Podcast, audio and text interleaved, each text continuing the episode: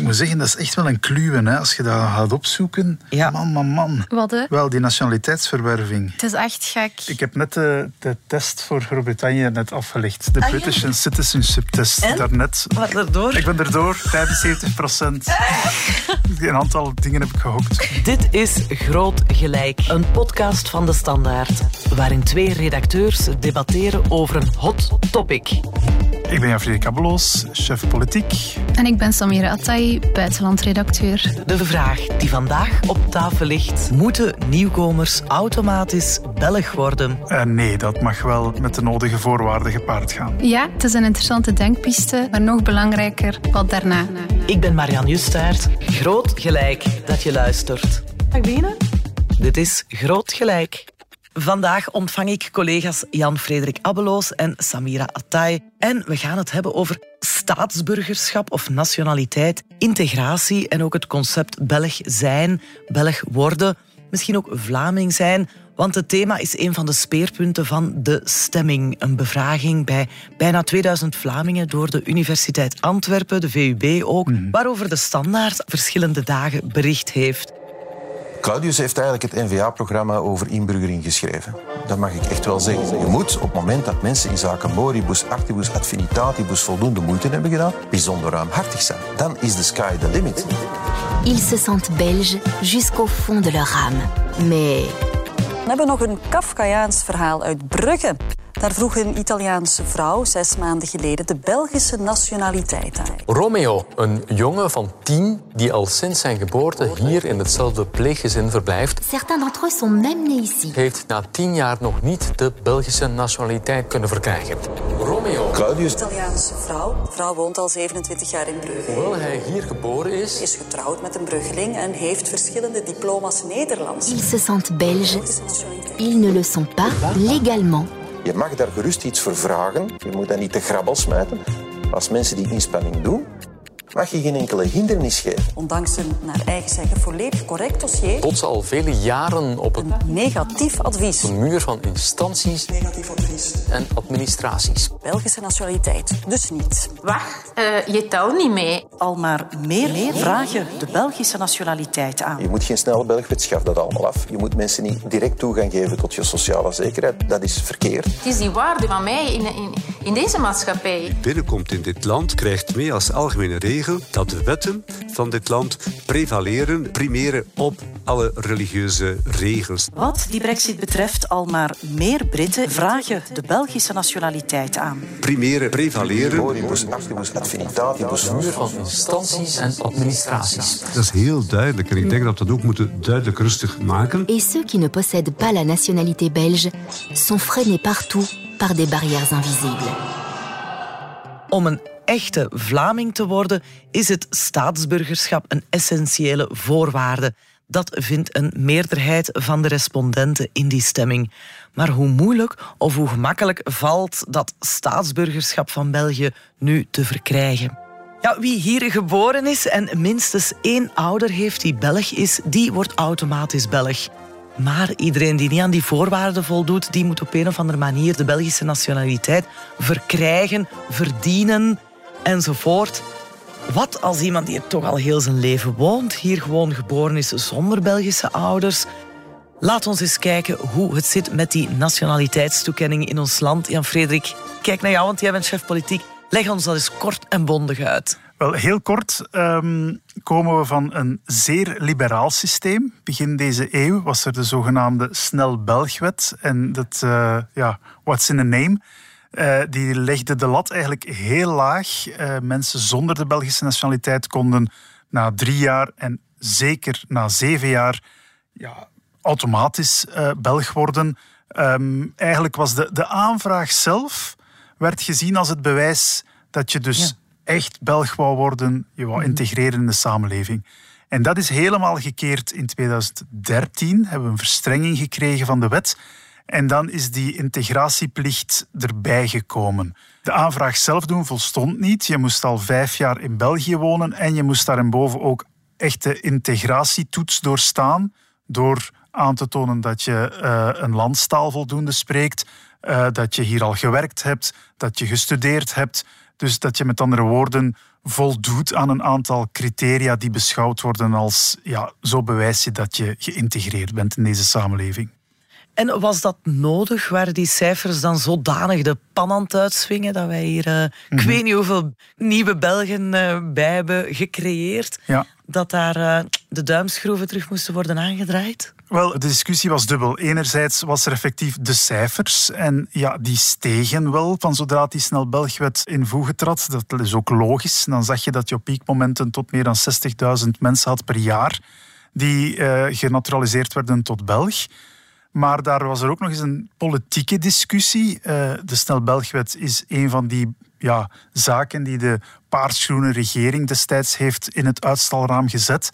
En um, ja, andere partijen zoals CD&V, later NVA, die hadden het daar wel heel moeilijk mee dat, zoals het dan heet, de nationaliteit maar een vodje papier was. Dat je zomaar kreeg, zoals uh, een, een, uh, ja, een sticker van het Rode Kruis of zo. En dus gaandeweg is daar dus een compromis uitgekomen in 2013 dat uh, opnieuw de zaak wat strenger maakt. Ja, we mogen ons nu ook wel niet blind staren op die piek. Te zien dat uh, plots uh, hemel op aarde was, België, en dat iedereen rechtstreeks op een draf naar, naar, naar België wilde migreren. Er was wel een piek van, van 60.000 naturalisaties per jaar, maar dat zwakte wel heel snel af. Een paar jaar nadien was het al onder de 40.000 en nu zitten we zelfs rond de 30.000. Dus ik denk dat we dat ook wel weer moeten durven nuanceren en voornamelijk relativeren politici hebben dat wel kunnen interpreteren als een soort van vodje papier of gebruiken om die verstrenging in gang te kunnen zetten. Maar ik denk niet dat iedereen dat op dat moment als een vodje papier dat hij dat zo heeft geïnterpreteerd. Eerder als een soort van boodschap, een motiverende boodschap van kijk, je kunt hier een toekomst starten. Mijn eigen familie heeft dat ook meegemaakt. Zij hebben ook, toen dat die verstrenging nog niet was ingevoerd, zijn zij ook naar België gekomen. Zij vonden het zelfs raar dat ze geen, geen verplichte taallessen of zo hebben moeten doen. Zij zijn zelf gewoon uh, na drie, vier weken naar uh, de VDAB gestapt. En, en die hebben ook de taallessen en opleidingen en allerhande gedaan. Die moesten uh, gedaan worden om een leven überhaupt te kunnen opbouwen ergens. Dus uh, voor mensen is zoiets juist ook, denk ik, een incentive geweest van... Oké, begin er maar aan, doe maar. En dat werd zeker niet toen er tijd zomaar als een, uh, een vodje papier gezien. Ja, ja, ja. ja. En dus jouw familie uit Iran is door de Snel Belgwet eigenlijk Belg kunnen worden? Ja, dus nog voordat er een uh, verstrenging was en een inburgeringstraject. Um, ja. ja. ja. Maar nu zeg ik ook wel zelf kunnen worden. Dat is wel een beetje de mindset rond die nationaliteitsverwerving hier. Het is iets uh, dat je moet verdienen. Het is een beloning of een bekroning mm -hmm. naar een heel integratieparcours als je aan alle voorwaarden voldoet. Terwijl bij die snel Belgwet hebben we dan ook gezien, kan, kan misschien ook een hefboom zijn. Hè? Als ik het verhaal hoor van jouw familie. Moeten we dat niet anders gaan bekijken? Ik denk dat dat sowieso een interessante denkpiste is, omdat het migratieproces of het migreren aan zich is een super drastische keuze. En mensen denken op dat moment dat ze die keuze maken al impliciet na welke implicaties dat dan gaat hebben in de maatschappij of cultuur waar ze terechtkomen. Dus die stap al zetten is ergens ook uh, aan jezelf toegeven dat je een bepaalde verandering zult ondergaan en dat je van ergens ook opnieuw moet beginnen. De kans is groot dat je de taal niet kent of de cultuur niet kent. En het is niet zo dat als mensen ergens toekomen en een bepaalde nationaliteit verkrijgen, dat ze daarom al dat achterwege laten. Um, want ze weten dat dat proces dan eigenlijk echt kan beginnen. En dat kan het voor hen vergemakkelijken, omdat je als samenleving ook een boodschap uitdraagt van je kan deel uitmaken Ja. van onze samenleving, dus Ja. doe maar. Ja. En dat kan wel op zo'n manier een hefboom zijn, een soort van springplank, om dan aan de slag te gaan Ja. met, met alles wat dat je nodig hebt om te kunnen succesvol Ja, ja. leven eigenlijk voor jezelf. Ik denk dat het woord proces belangrijk is. En je ziet bijna overal is, werkt het ook op die manier. Ehm, wanneer je verwacht dat mensen bijvoorbeeld pas na vijf jaar in een land te zijn kunnen aanvraag doen voor nationaliteitsverwerving. Het geldt bijvoorbeeld ook in Frankrijk. Ja, dan moeten ze natuurlijk wel al eerst vijf jaar in een land kunnen zijn. Ja. Dus ik denk er is een onderscheid tussen een verblijfstitel, want die moet je bijna in alle systemen hebben vooraleer dat je nationaliteit kan verwerven. Nationaliteit verwerven is een soort van sluitstuk van een proces. En de vraag is vooral, waar leg je dat dan, dat moment? En welke, aan welke voorwaarden koppel je dat? En wat betekent dat ook? Um, en maar jij vindt wel dat er voorwaarden moeten zijn, dat het niet het begin van het proces kan zijn. Dat we toch eerst moeten vragen van laat ons toch minstens bijvoorbeeld de, de kennis van een van de landstalen uh, ja. aanmoedigen. Wel, het idee dat de nationaliteitsverwerving aan zich een integratie wil toont en zal leiden tot integratie, dat is door verschillende politieke partijen wel als uh, mislukt beschouwd. Um, omdat je in de jaren 2000 tot de verstrenging in 2013 heb je wel heel de discussie gehad van uh, ja, de, de, de, de, spanningen die er zijn in de samenleving. Je hebt opkomst van partijen als Vlaams Belang natuurlijk. Dus je komt dan in een hele sfeer van ja, die integratie is, werkt niet, moet beter. En dan wordt heel die redenering omgedraaid. Je moet eerst bewijzen dat je wil integreren, dat je eigenlijk al geïntegreerd bent. En dan pas kan je de nationaliteit verwerven. Maar pas op, daar wil ik wel nog aan toevoegen. Er zijn dus jaarlijks nog, nog altijd meer dan 30.000 mensen die Belg worden. Het is dus niet dat die lat oh, uh, daar ligt dat niemand erover nee, nee. geraakt. Hè. Dat dat denkbeeld volledig is geshift. Dat is top-down gebeurt, meer dan bottom-up. Want... Ja. Zoals veel hier in dit land. Nee, want dat is gewoon grappig hoe dat als je als migrant of persoon met migratieachtergrond uh, dan wel al, al die vinkjes of zo, uh, al die mhm. hokjes hebt aangevinkt. Dat je, ik kan me herinneren als klein kind dat er dan vaak zo werd gezegd van maar je bent een goede migrant, je ouders mhm. werken en kunnen de taal. En dan vraag ik me af van welke voorbeelden zie je dan alleen maar, of waar wordt dat beeld effectief gecultiveerd, of hoe weinig ben je in contact gekomen mm ja. uh, met anderen. Allee, dat is gewoon een en, en hoor ik jou dan zeggen van, oké, dus de goede migrant die dan wel uh, zich voldoende westers uh, gedraagt ja, zo zijn er en die de taal uh, kent en zo, die maakt dan meer kans op het verwerven van die nieuwe Belgische nationaliteit. Maar misschien een, een zwakker iemand die, die ook niet zo mondig is of heel weinig opleiding genoten mm. heeft in zijn thuisland, ja, die dreigt dan uit de boot te vallen. Of is dat te kort door de bocht? Als je gewoon kijkt naar, naar hoe dat die de verstrenging en de veranderingen van inburgeringstraject en de nieuwe regels die eraan bijkomen, kun je wel inderdaad het gevoel hebben als persoon met migratie of iemand die migreert, dat hij op een heel dun touwtje loopt en dat er maar één iets moet mislopen of één windje moet zijn dat hij eruit valt. Dus dat, dat je eigenlijk nergens een fout mag maken op geen enkele manier. Uh, wat dat dan ook wel weer, zoals Eva Brems eens had geschreven bij een opiniestuk hier bij de Standaard, uh, een soort van survival of the fittest. Maar eigenlijk gaat het dan zelfs nog verder dan wie zich kan aanpassen, uh, maar ook wie, ja. Ja, wie ook de, de nodige kansen heeft gehad. Allee, dan, het lijstje gaat dan eigenlijk maar door. Ja, en dan maken nog minder mensen een kans om die goede, goede migrant te worden. Ja, absoluut. om het zo te noemen. Ja, jij zegt wat ik ook hoorde van advocate Cathy Verstrepen. Zij is al 34 jaar bezig met vreemdelingenrecht of migratierecht en ook voorzitter van de Liga voor Mensenrechten. Zij zegt je kunt als nieuwkomer die Belg wil worden ontzettend veel Ik vind het logisch dat um, men vraagt dat iemand een minimum kennis zou hebben van, van, van een van de landstalen. Alleen moeten we er natuurlijk wel voor zorgen dat mensen in staat zijn om die kennis te verwerven. En als ik dan zie dat men um, de inburgeringscursussen, waar die vroeger gratis uh, aangeboden werden, dat die nu betalend zijn, dat men moet betalen uh, telkens men examen wil doen, ja, dat is alleen maar drempels opwerpen in plaats van drempels verlagen. Ik denk dat als je nu aan mensen die hier al bijvoorbeeld 20 jaar leven en uh, toen der tijd dus zijn uh, gemigreerd naar België zou vragen met welk bedrag zij hier zijn toegekomen, dat dat voor iedereen, uh, of dat dat niet voor iedereen voldoende zal geweest zijn om dat bijvoorbeeld ook te kunnen uitgeven aan een examen, taalexamen. Want zoals Cathy Verstrepen ook zegt op die manier bouw je wel veel drempels op. En ik vermoed ook wel dat ja, niet iedereen heeft een talenknobbel. Vermoedelijk zal, uh, zullen bepaalde mensen het misschien niet één keer, maar ook misschien twee of drie keer moeten doen. Als je dan telkens opnieuw uh, daar een bedrag uh, voor moet neerleggen, dat je misschien initieel niet op had geanticipeerd, ja, dan zit je alleen al maar voor een taalexamen, louter een taalexamen, kan je in de problemen komen.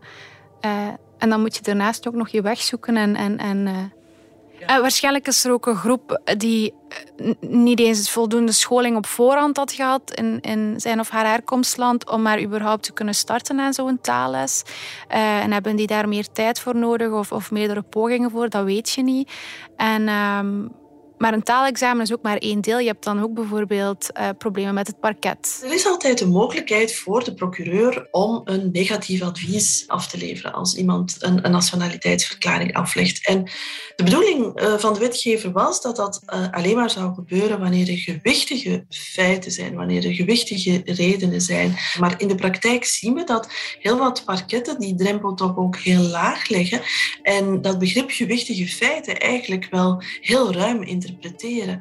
Um, bijvoorbeeld het begaan van, van verkeersovertredingen, het, uh, het, het, niet respecteren van de coronaregels en daar dan een, een bekeuring voor krijgen, um, wordt uh, op vele plaatsen door de parketten beschouwd als, een, als gewichtige feiten. En, en dat wordt door mensen die de Belgische nationaliteit willen verwerven ook als zeer discriminerend aangevoeld. Ze hebben het gevoel, en, en, voor mij is dat ook zo, dat ze eigenlijk twee keer gesanctioneerd worden voor de inbreuk, terwijl dat volgens mij niet, niet kan een van de voorwaarden uh, om uh, Belg te kunnen worden is bijvoorbeeld ook dat je vijf jaar ononderbroken op een wettige manier in België moet verbleven hebben. Um, nu, heel veel mensen die nieuw zijn, veranderen al wel eens van adres, omdat ze vaak in handen vallen van huisjesmelkers um, die het niet zo goed met hen voor hebben. Dus ja, ze moeten al meer dan een gemiddelde uh, Vlaming van adres veranderen buiten hun wil. En als er daar dan administratief iets fout gaat en, en de adreswijziging wordt niet onmiddellijk uh, geregistreerd, ja, dan is daar een onderbreking in het verblijf. Of bijvoorbeeld de woning waar ze zitten wordt onbewoonbaar verklaard. Ja, daar kunnen ze niet aan doen. Dat hebben ze zelf niet in de hand. Dat is de eigenaar die het huis niet goed onderhoudt. En dat heeft dan vaak tot gevolg dat de mensen automatisch uitgeschreven worden op dat adres, omdat er zogezegd niemand kan wonen. Maar zij wonen er wel. En dan duurt het even voordat ze een nieuwe woning hebben gevonden. Ja, en dan zit daar een, een, een, een, een gap van, van, van een maand, twee maand, drie maand. Dan, ja, dan komen ze niet in aanmerking voor die Belgische nationaliteit. Als je dat dan vergelijkt of in tegenstelling zet tot expats of bijvoorbeeld een rijke witte Hollander die hier eh, toekomt en eigenlijk helemaal niet geïnteresseerd is om de Belgische nationaliteit te verkrijgen, whatsoever, en uh, gewoon een leven leidt zoals dat hij dat wilt. Ja. Ja, dan is dat toch wel een groot contrast. Ja, ja.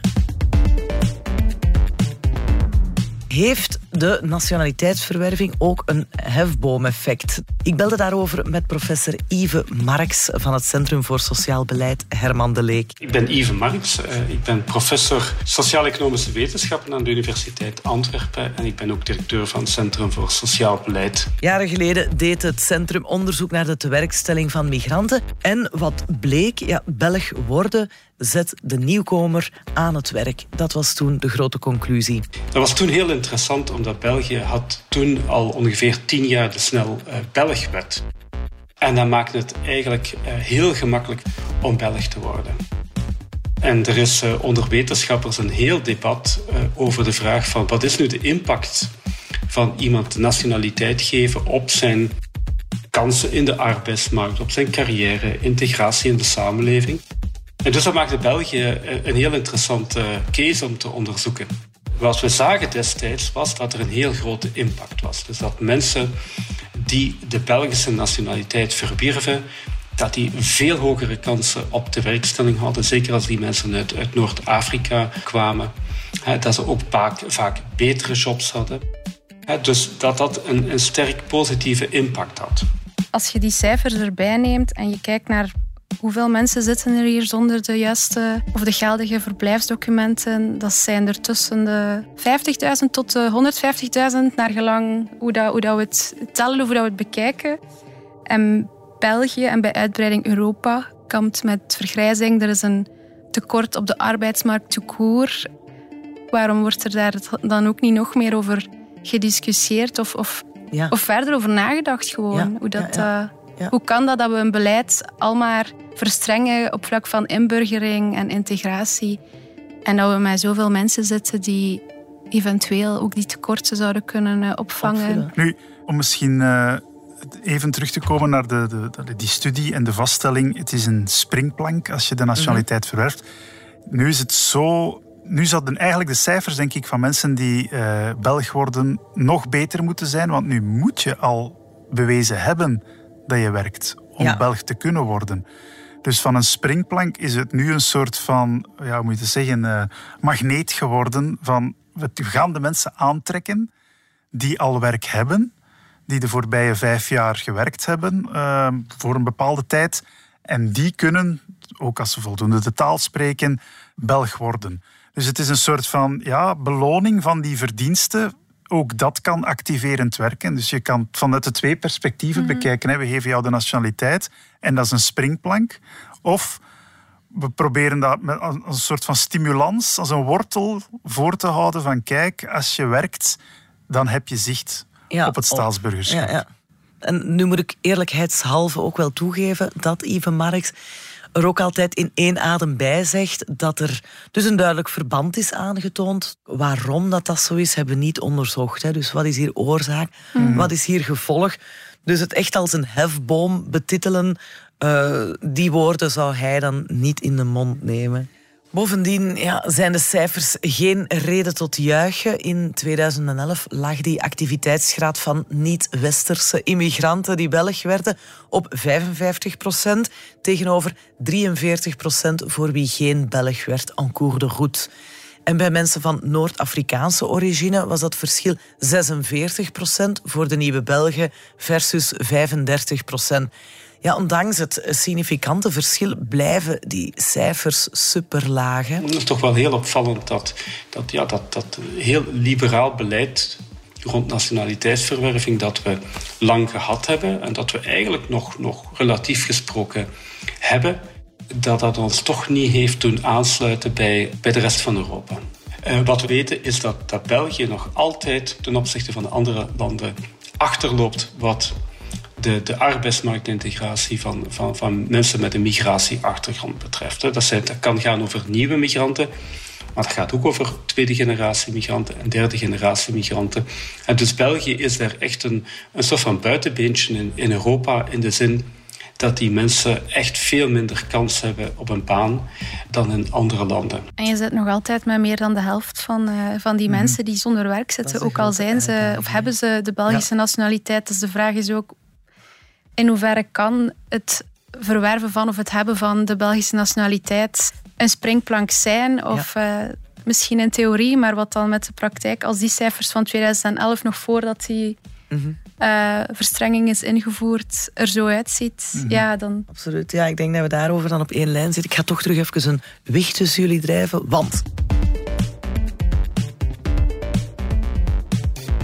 Stel nu dat we, om terug te komen bij onze hamvraag, stel nu dat we teruggaan naar een uh, soepeler, liberaler systeem, waarbij we zeggen, we voeren het jus soli in, het recht om Belg te worden als je hier geboren bent. Punt uit. Mhm. Goed plan. Of niet? Ja, nu is het dus niet zo, hè, voor alle duidelijkheid. Nee, nu, moet één ouder Belg zijn. Uh, dus wat, uh, wat je nu voorstelt, is dat ook als beide ouders geen Belg zijn, ja en eh, hier op eh, citytrip komen in Brussel en het kindje wordt toevallig geboren die dag van de citytrip, dan is het een Belg. Ja, of kinderen van nieuwkomers, laten we zeggen. Hè, die dan ik wel maak er inderdaad op dit moment een beetje karikatuur van, maar dit, dit is op zich niet iets waar er nu een politiek draagvlak voor is, omdat men die vanzelfsprekendheid bij de nationaliteitsverwerving niet wil.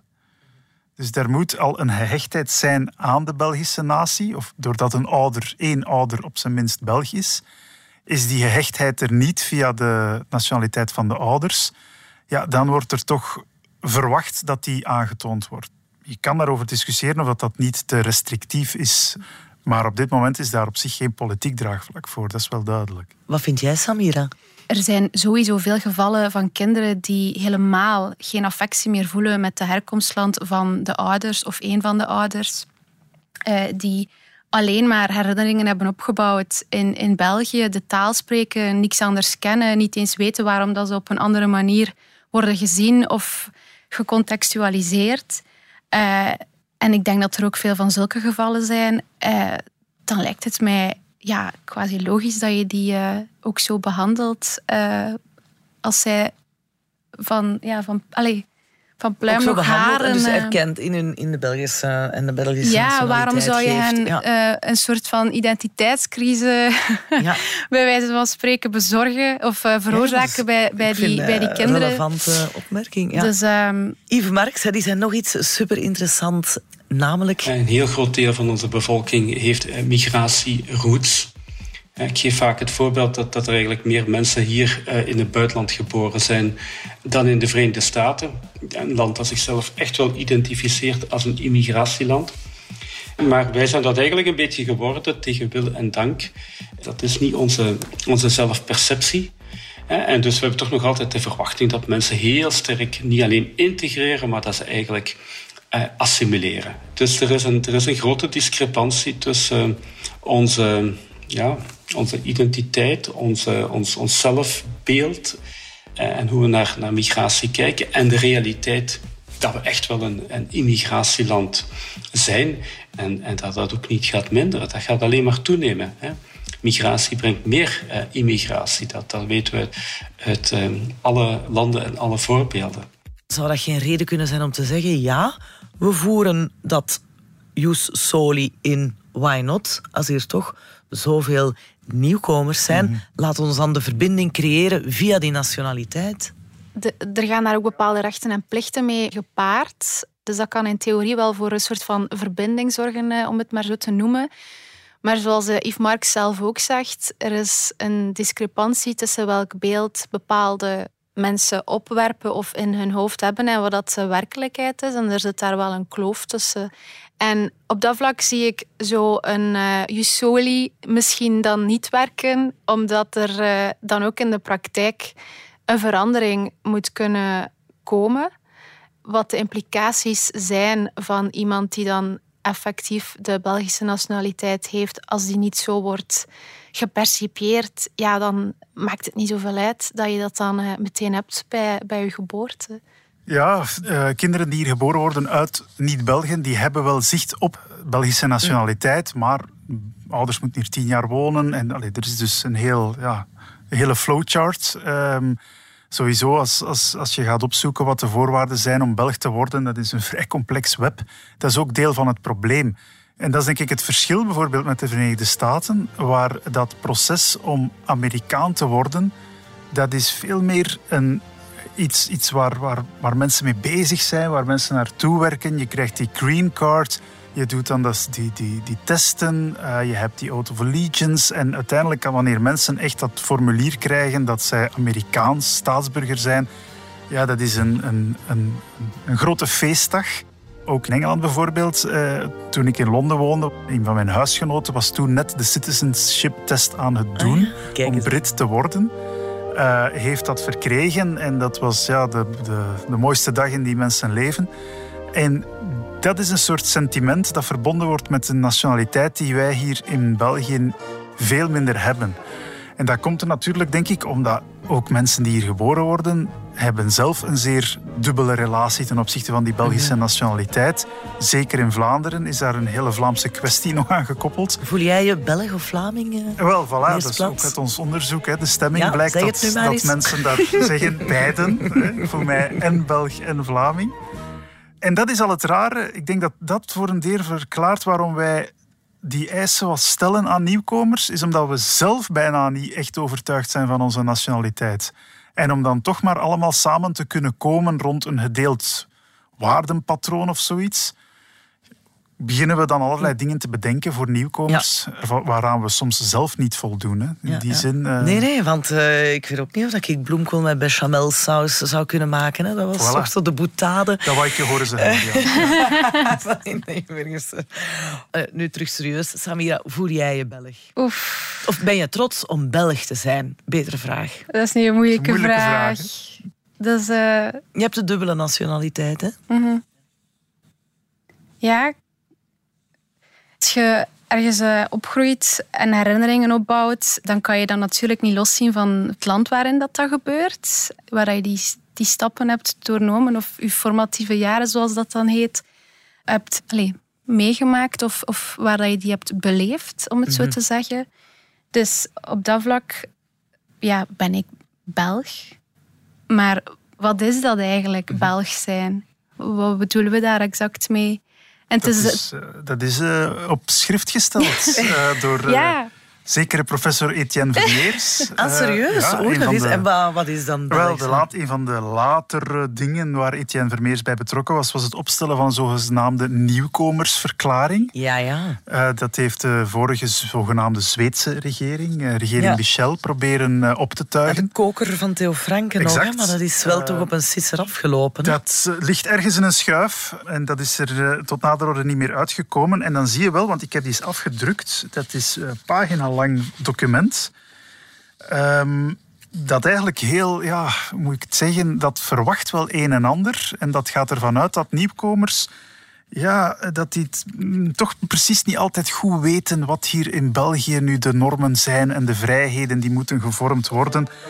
Dus als je dat dan bekijkt, ja, Ik respecteer de vrijheid en de persoonlijke integriteit van iedereen. Ik begrijp en aanvaard dat in dit land iedereen recht heeft op de fundamentele vrijheden zoals ze liggen vervat in de grondwet. Daar staat in dat de vrijheid van vereniging, vrijheid van meningsuiting, vrijheid van beleving, van seksuele Dat geaardheid. zowel mannen als vrouwen in dit land hun bijdrage leveren aan de samenleving. Mannen en vrouwen dezelfde rechten op onderwijs en werk. Mannen en vrouwen kunnen allebei deelnemen aan een democratisch proces, waaronder verkiezingen. Zowel mannen als vrouwen. Ik begrijp en aanvaard dat jongens en meisjes in dit land dezelfde rechten hebben en zo verder en zo voort. Echtgenoot, als Een soort van beperkte cursus strafrecht. Dreigen met geweld is in dit land ook strafbaar. Dat de kennis van de taal van de regio waarin ik mij zal vestigen, Nederlands of Duits, essentieel is om te komen tot een actieve participatie aan de samenleving. Ik begrijp en aanvaard dat in dit land burgers en gezinnen zelf verantwoordelijk zijn om in hun levensonderhoud te voorzien. Ik zal daartoe de nodige inspanningen leveren. Ehm, maar ja, dat is dus... Probeer dan wat Belg zijn is in een soort van checklist van vrijheden en rechten die neerkomen op eigenlijk ja, de basis-liberale eh, vrijheden die in elk westers land wel gelden. Dus dat is dan ook niet echt Belgisch. Dat is gewoon, Ja. zoals ik zei, de liberale vrijheden. Dat ja, ja. ook in Frankrijk of in, in Duitsland. Dus dat, dat was heel interessant inderdaad, als je daarop na, over nadenkt. Maar wat is dat nu Belg zijn? Wat gaan wij nu verwachten van Ja. nieuwkomers? En voldoen wij daar zelf wel aan? Ja. Ja, dan wordt het plots wel een heel interessante Ja. discussie. En wat dat je daarnet vroeg van, eh, ben je trots om Belg te zijn? Uw eigen identiteitsvorming, of hoe dat je jezelf percipieert, heeft heel veel te maken met hoe dat anderen u zien en hoe dat zij u continu daar komen reconstrueren. want- ja, en ja. misschien ben ik op papier wel de perfecte Belg en mag ik dan voor een Vlaamse krant schrijven. Maar als ik eh, naar een vaccinatiecentrum ga, ben ik wel tot drie keer toe eh, opnieuw eh, werd er aan mij gevraagd van wilt u dat ik het Nederlands uitleg of in het Engels? Ja, Ja, dan krijg je wel een klap allez, in je gezicht van Ja, voor ik zal wie of wat altijd doe als het. de ander gezien worden. Ja, Samira, we gaan daar komen, we gaan daar komen. Maar eerst nog heel even over die nationaliteitsverwerving. Ik wilde toch ook graag weten van Cathy Verstrepen of zij vindt dat nieuwkomers automatisch Belg moeten kunnen worden na x aantal jaren of als ze hier geboren zijn op Belgisch grondgebied. Ehm, de vraag is niet, moeten mensen automatisch Belg worden? De vraag is, hoe realiseren we artikel 10 van de grondwet? Artikel 10 van de grondwet is duidelijk. Alle Belgen zijn gelijk voor de wet. Sorry, we zijn ondertussen zoveel jaar later en dat is niet zo. Alle Belgen zijn niet gelijk voor de wet. Dus de vraag is niet, moeten mensen automatisch Belg worden? De vraag is, hoe zorgen we ervoor dat Belgen niet gediscrimineerd worden? Daar gaat het om. Ja, voilà, Samira, we zijn bij het punt waar jij ons gebracht hebt. Wanneer zijn nieuwe Belgen genoeg Belg? Wanneer zijn nieuwe Belgen echte Belgen? Het is een van de vragen die ook centraal stond in de stemming. Klopt dat, Jan-Frederik? Ja, wel, er zijn een aantal zaken voorgelegd eh, aan eh, 2000 Vlamingen, waarbij, waarbij gevraagd is van kijk, sommige mensen vinden een aantal zaken belangrijk of minder belangrijk om echt Belg of Vlaming te zijn. Ehm, en ze moesten allemaal aangeven op een schaal van 1 tot 5 of ze dat ook belangrijk vonden. En als we dan uh, die groep bekijken die iets heel belangrijk vindt, dan zie je dat Nederlands kunnen spreken bijvoorbeeld als de belangrijkste ja, um, voorwaarde of, of, kenmerk beschouwd wordt van iemand die echt Belg of Vlaming is. Um, de politieke instellingen, wetten van België respecteren, het staatsburgerschap hebben, maar ja. goed, dat is de logica zelf natuurlijk. En dan kom je wel al op wat uh, ja, andere zaken, zoals onze gewoonten en cultuur hebben. Um, dan kan je al afvragen van ja, wat betekent dat? Eh, is dat inderdaad de bloemkool met bechamelsaus? Ja. Uh, of is dat uh, simpelweg wat in die nieuwkomersverklaring staat? Namelijk, ja, je volgt de wetten. Um, je Belg of Vlaming voelen. Ja, er wordt nog eens verondersteld dat je een zeker, ja, ja, een zeker gevoel blijkbaar hebt van Belg of Vlaming te zijn. 55% zegt ook nog geboren zijn in ons land. Als je dat allemaal bij elkaar legt, dan, dan krijg je toch wel het beeld van een vrij restrictieve benadering in hoofden van veel Vlamingen ten opzichte van nieuwkomers en het punt waarop ze zich echt Belg of Vlaming ja. Ja, mogen noemen. Ja, jij kan hier spreken uit ervaring, hè, Samira. Misschien ook nog uh, je mhm. vader of zo, die dat nog meer heeft meegemaakt. Ja. Is dat zo? Heb je het gevoel van ik zal, hoe hard ik ook mijn best doe, nooit gezien worden als echte Belg? Ik heb daar onlangs met mijn papa ook een interessant gesprek over gehad. Uh, van, uh, moet je je eigenlijk Belg voelen als persoon met migratieachtergrond? Mijn papa mm-hmm. is na 30 dagen voet gezet hebben in België, heeft hij de taal geleerd en is hij beginnen werken sindsdien. En hij leidt zijn leven, betaalt de belastingen en hij doet alles wat er van hem verwacht wordt. Hij kent de taal. Maar hij voelt hem ook niet helemaal Belg. Uh, net hetzelfde als voor mij. Het gaat nog steeds om, om, om mensen en, en, en met elkaar communiceren en samenwerken. En je, je leeft in dezelfde maatschappij. Willen met elkaar communiceren en te willen met elkaar samenwerken. Ja, ja. Er zijn veel mensen die gewoon leven zonder zich volledig Belg te voelen. Of misschien gaan ze zich ook gewoon nooit zo voelen en is dat ook oké. Ja.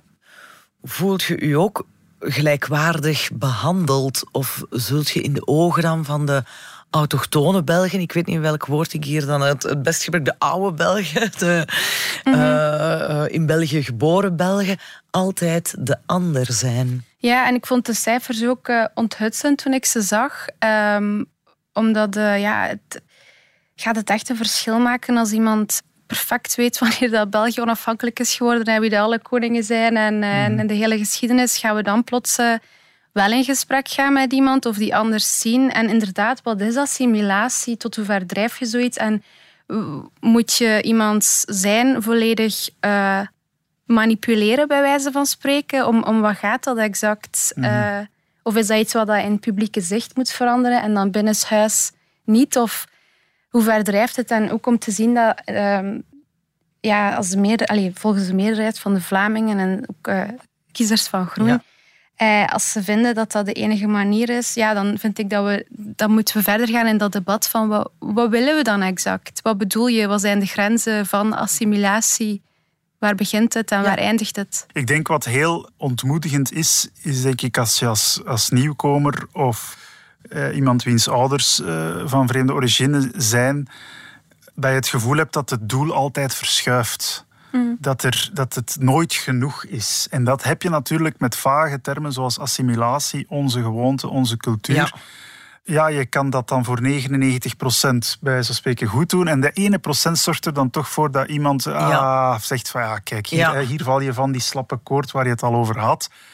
Of uh, ja, je Nederlands is toch wel goed voor iemand uh, die, die, van, ja. van elders komt, dat soort uitspraken. Het is zo herkenbaar. Ja. Dus ook bijvoorbeeld tijdens het uh, studeren, dan denk je van... Ik zit hier al in een ruimte waar dat er kritisch wordt nagedacht op de universiteit. Om dan in je masterjaar van iemand te horen van...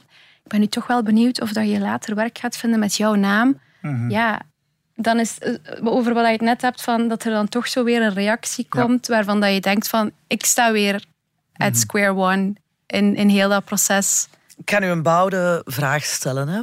Bewijst uh, dit onderzoek dat uh, Vlaanderen misschien toch racisme, dat zal ik nu niet zeggen, maar onbewuste discriminatie, dat dat toch nog echt alom tegenwoordig is in onze samenleving?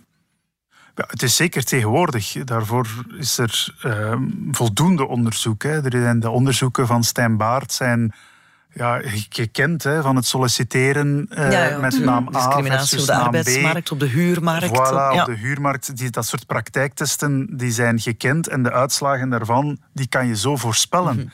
Dat xenofobe, dat racistische, dat zit in sommige hoeken.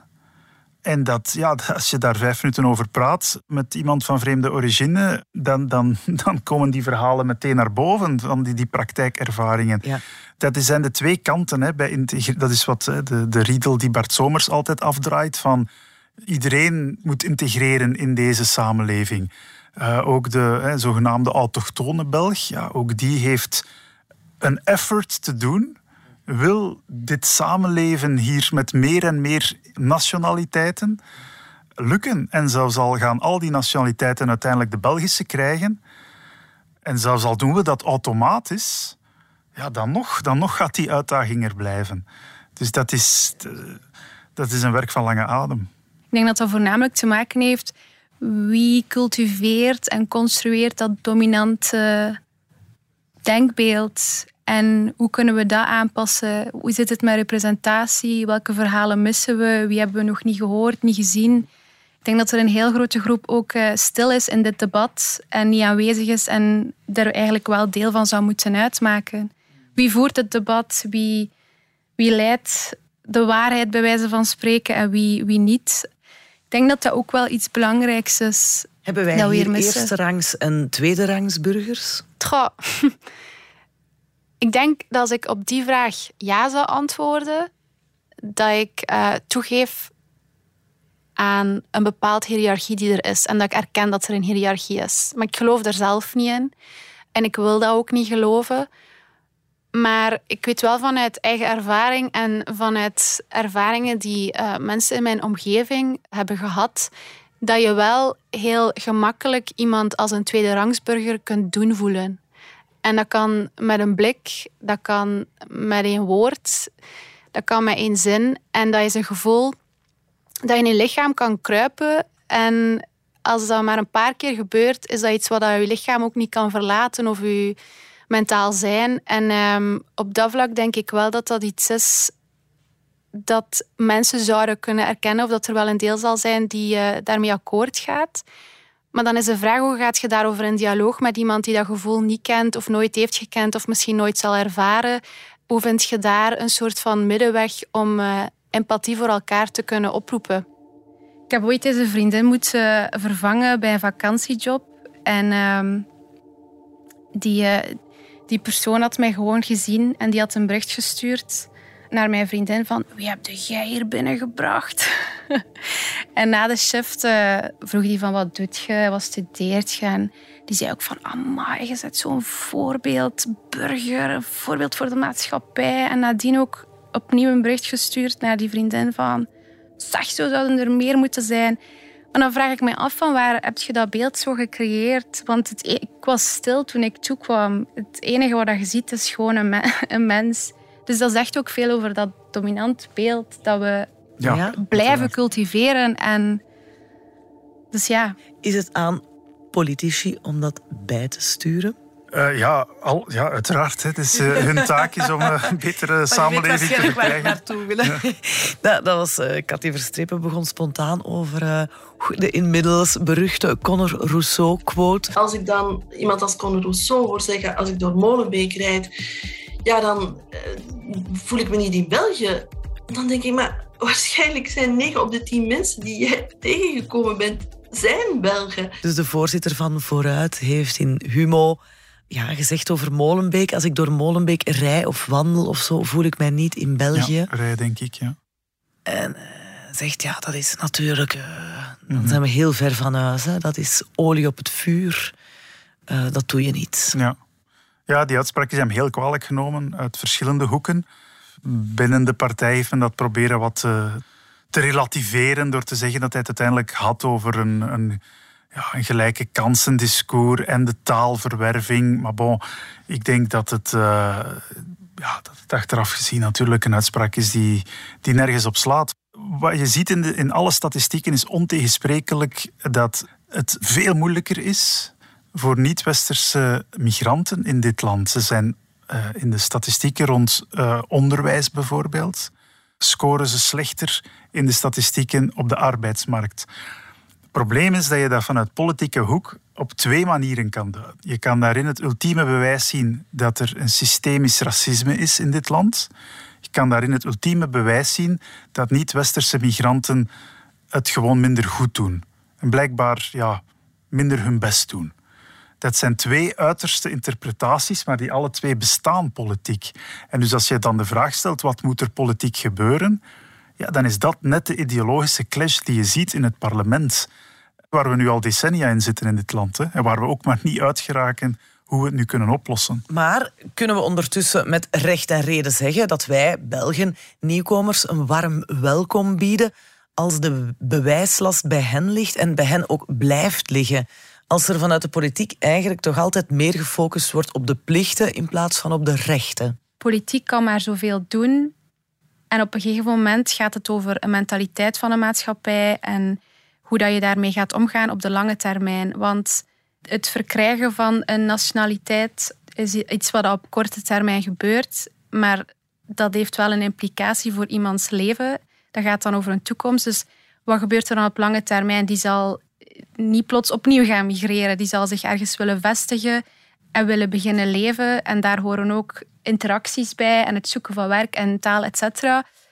Politiek kan dat wel sturen op een bepaald manier, maar dan is natuurlijk welk denkbeeld leeft er in een maatschappij? Hoe, hoe verdraagzaam is een maatschappij? En, en, en ja, hoe verwelkomend is een maatschappij in zijn geheel? Het is tweerichtingsverkeer. Als we willen dat nieuwkomers de taal leren en werk vinden, moeten we ook met hen communiceren natuurlijk. Moeten we hen helpen en daarvoor openstaan. Zien jullie lichtpuntjes in dit debat? Ja, ik denk voor een deel is het een dynamiek die uh, zichzelf al zal gaan overstijgen, omdat je zit in een superdiverse samenleving. En nu zie je dat toch al in verschillende steden, zoals Brussel, maar ook in Antwerpen, eh, Gent, eh, dat dat begint een eigen dynamiek te creëren. En zeker naar jongere generaties, dan zie je dat die al op een veel spontanere, gezondere manier omgaan met die diversiteit tussen verschillende religies, eh, tussen verschillende nationaliteiten. Dat wordt allemaal veel minder geproblematiseerd. Um, en men, men, men, er zijn natuurlijk allemaal voorwaarden die we allemaal erkennen om goed te kunnen samenleven. En, mhm. en, en een gemeenschappelijke taal spreken is daar uiteraard de belangrijkste van. Dus als we dat niet kunnen, dan zitten we met een probleem. Maar al de andere zaken, denk ik dat, dat, dat we daar automatisch iets relaxer gaan mee omgaan. Eens dat die, die superdiversiteit er is en ook meer en meer mensen de ervaring hebben, dat hoeft niet problematisch te zijn. Ja, ja, Je zit nu eenmaal nu in een omslag waarbij dat generaties die maken plaats voor nieuwere generaties die die mix, voor wie die mix al veel gewoner is. En dus ik denk dat we wel moeten hopen dat dat al voor enige soepelheid, of hoe je dat zeggen, uh, ontspanning in het debat zal leiden. Ja. Geloof je dat dat voor jouw toekomstige kinderen niet langer hun afkomst, maar wel hun toekomst zal tellen? Ja, ik hoop het. Maar dat moet op, op verschillende manieren gebeuren. Niet enkel bottom-up, maar ook top-down. En, mhm. en dat heeft tijd nodig. Ja. Ja, je moet komen tot de synthese. En nu heb je die these, die antithese, maar nog niet. Gaat je nog Hegel erbij voilà. betrekken ook?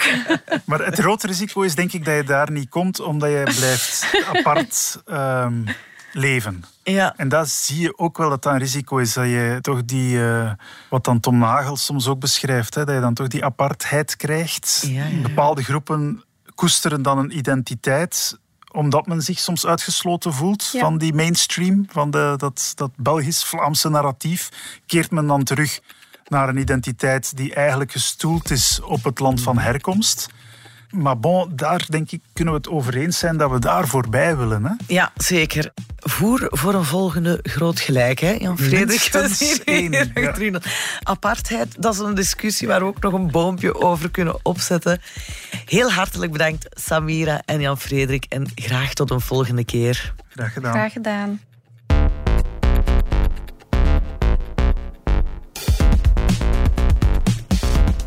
Dit was Groot Gelijk, de tweewekelijkse debatpodcast van De Standaard. Bedankt om te luisteren. En je kan trouwens nog steeds luisteren naar de vorige afleveringen te vinden in de podcast-app van De Standaard of op je favoriete platform. Dikke aanrader. Reageren kan, mag, graag, zeker op podcast.standaard.be. Wij zijn er terug op 31 mei. Tot dan. Dag.